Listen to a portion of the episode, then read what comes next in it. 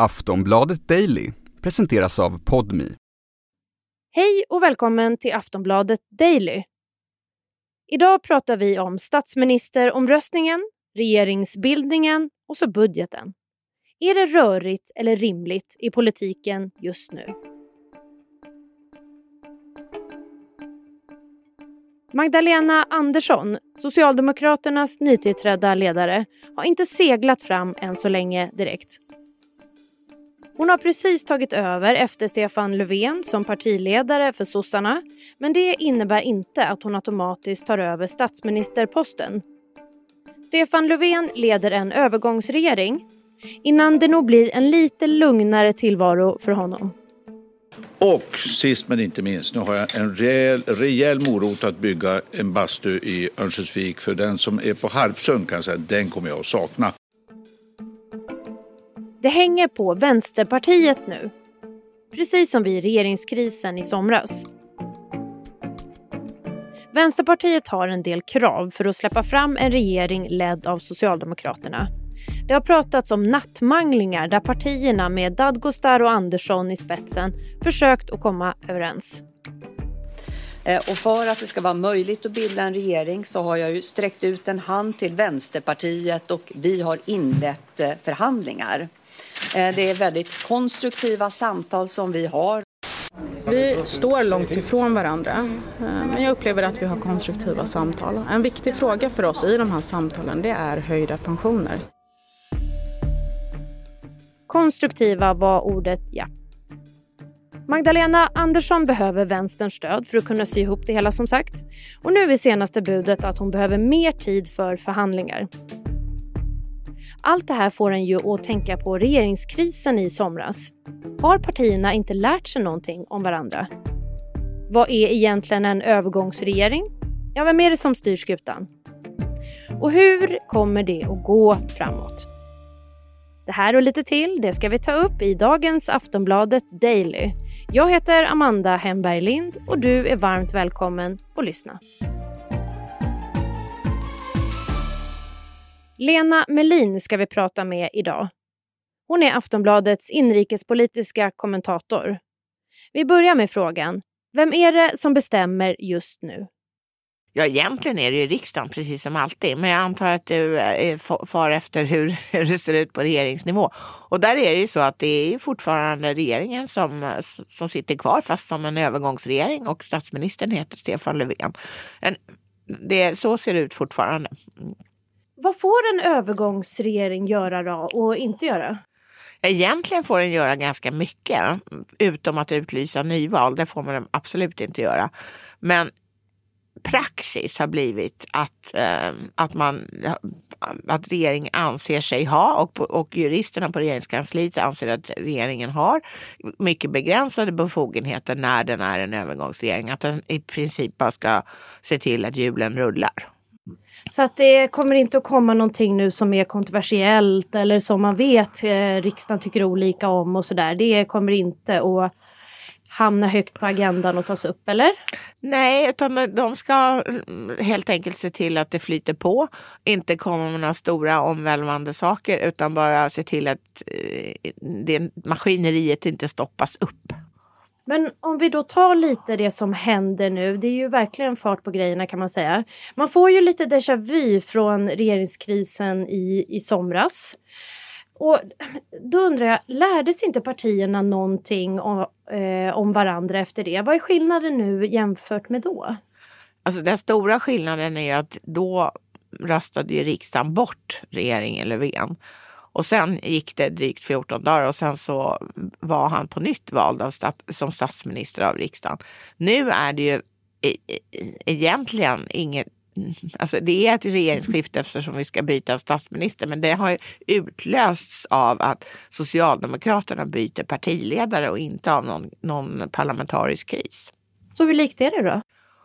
Det som är likt är ju att framförallt att Vänsterpartiet utnyttjar det här tillfället till att pressa eh, regeringen. Förra gången så, så var det ju mera så att det var Vänsterpartiet som utlöste regeringskrisen därför att det hade kommit ett utredningsförslag om ökad, eh, ökat marknadsinslag i hyror i nyproducerade hus och de tyckte det var ett idiotiskt förslag. Samtidigt eh, så var det andra partier som ville bli av med, med regeringen av andra skäl, det vill säga partierna på högerkanten och de ville mera demonstrera att regeringen inte hade stöd av en majoritet i riksdagen i största allmänhet. Däremot tyckte de det här hyresförslaget var ganska bra. Vänsterpartiet då? Ja, de är ju eh, verkligen eh, slags huvudspelare, eller det verkar så i alla fall.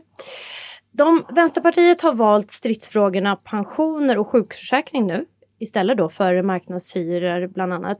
Men det är ju ingen slump att man har valt just de här två sakerna, eller hur? Kan du förklara varför?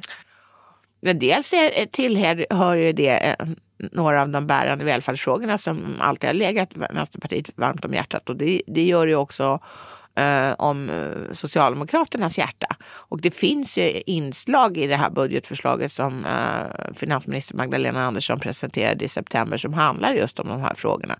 Men eh, uppenbarligen tycker Vänsterpartiet inte att det är, räcker utan de tycker att det måste göras mer.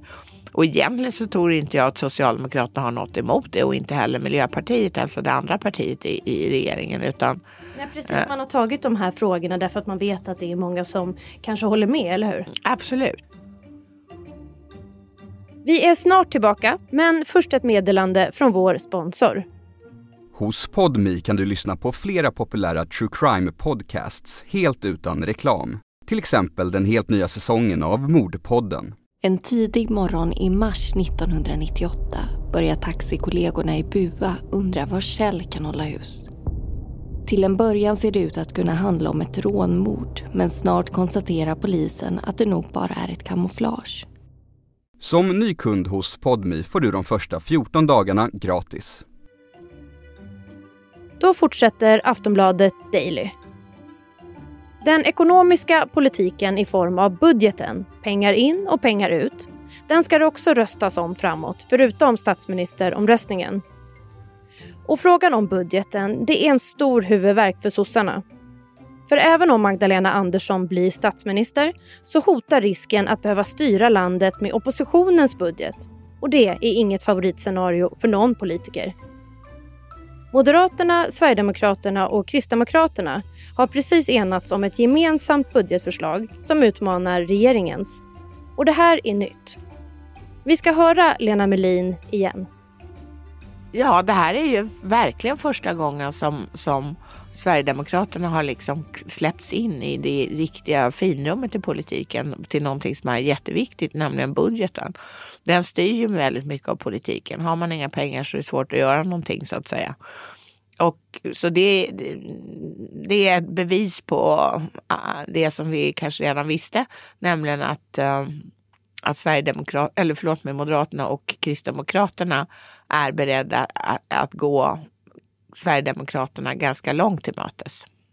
Men kan man säga att det här är något eh, man gör nu och visar att vi är en part att räkna med inför valet? eller?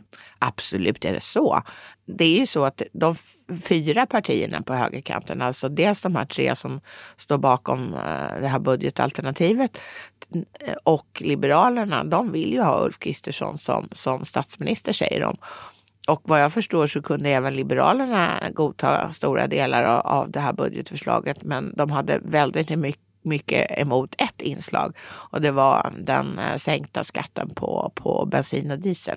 Ja, de, de sa ju det nu här att de inte står bakom budgeten. Nej, inte i den, i den delen. Ansvar då, det är ju ett favoritord, särskilt hos Löfven kan man säga. Sossarna ser det som oansvarigt att bråka om regeringsbildningen. Men vänstern kan man ju också säga har ett ansvar för sina väljare och den politiken som de tror på. Vad har du för reflektion av vad som händer just nu i politiken? Ja, för, jag förstår att Vänsterpartiet utnyttjar den här situationen för att flytta fram sina positioner. De har ju känt sig undanskuffade i ett hörn under ganska många år, trots att de har ingått i, i regeringen Löfvens regeringsunderlag på sätt och vis därför att de har släppt fram honom som, som statsminister. Men de har inte fått någon utdelning för den uppbackningen. och Nu vill de ha det. De vill ha liksom payback time. Det är payback time för, för Vänsterpartiet. Att Magdalena Andersson, hon har ju suttit i regeringen över sju år nu och hon är också van att ta ansvar och hon tycker säkert att hon gör det på sitt sätt. Men är det rörigt eller rimligt just nu då? Det är rörigt. Därför att eh, vi, ja, vi har ju som sagt in, ingen aktiv regering utan landet leds av en övergångsregering. Eh, vi vet inte när, när det kommer att vara någon annan regering på plats.